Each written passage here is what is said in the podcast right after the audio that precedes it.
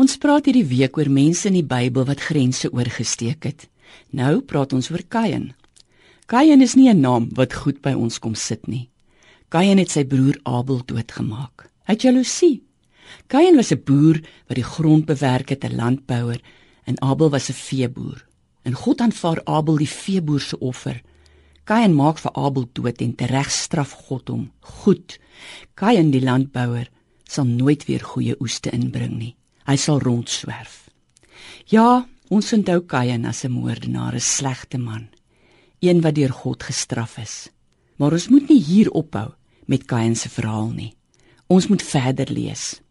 Kain maak beswaar teen sy vonnis. Nee God sê hy, die straf maak dat ek nie kan lewe nie. En God laat hom toe om jammer te sê. God gee Kain 'n tweede kans. En Kain vat hierdie kans. Hy's nie meer 'n landbouer nie, maar hy bou 'n stad. Hy vat 'n vrou en hulle het 'n seun wat hulle Enog noem en Kain noem sy stad Enog.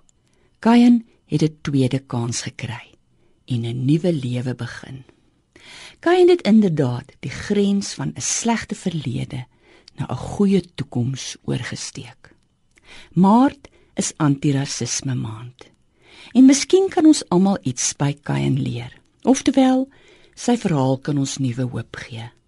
Daar is 'n nuwe toekoms moontlik na 'n verlede wat ons agter ons wil laat. Die meeste van ons was waarskynlik deel van 'n verlede waarvoor ons nie gevra het nie. Wat ook al die geval, Kain se verhaal vertel ons dat dit tyd is om op die toekoms te fokus. En in die middel van die verhaal van Kain vind ons God. 'n God wat die toekoms oopmaak, 'n God van kansse. Die God wat almal gelyk ag. Die God wat ons help om grense oor te steek. Die grens weg van die verlede na 'n toekoms van liefde en geregtigheid. Kom ons bid saam. Here, elke dag is 'n nuwe begin. Elke dag kan ons die keuse neem om met 'n nuwe toekoms te begin.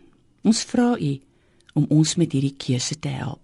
Help ons na 'n toekoms waar ons nuut met mekaar kan begin, waar ons nuut na mekaar kan kyk as mense met waarde, waar ons na mekaar kan uitreik as u kinders.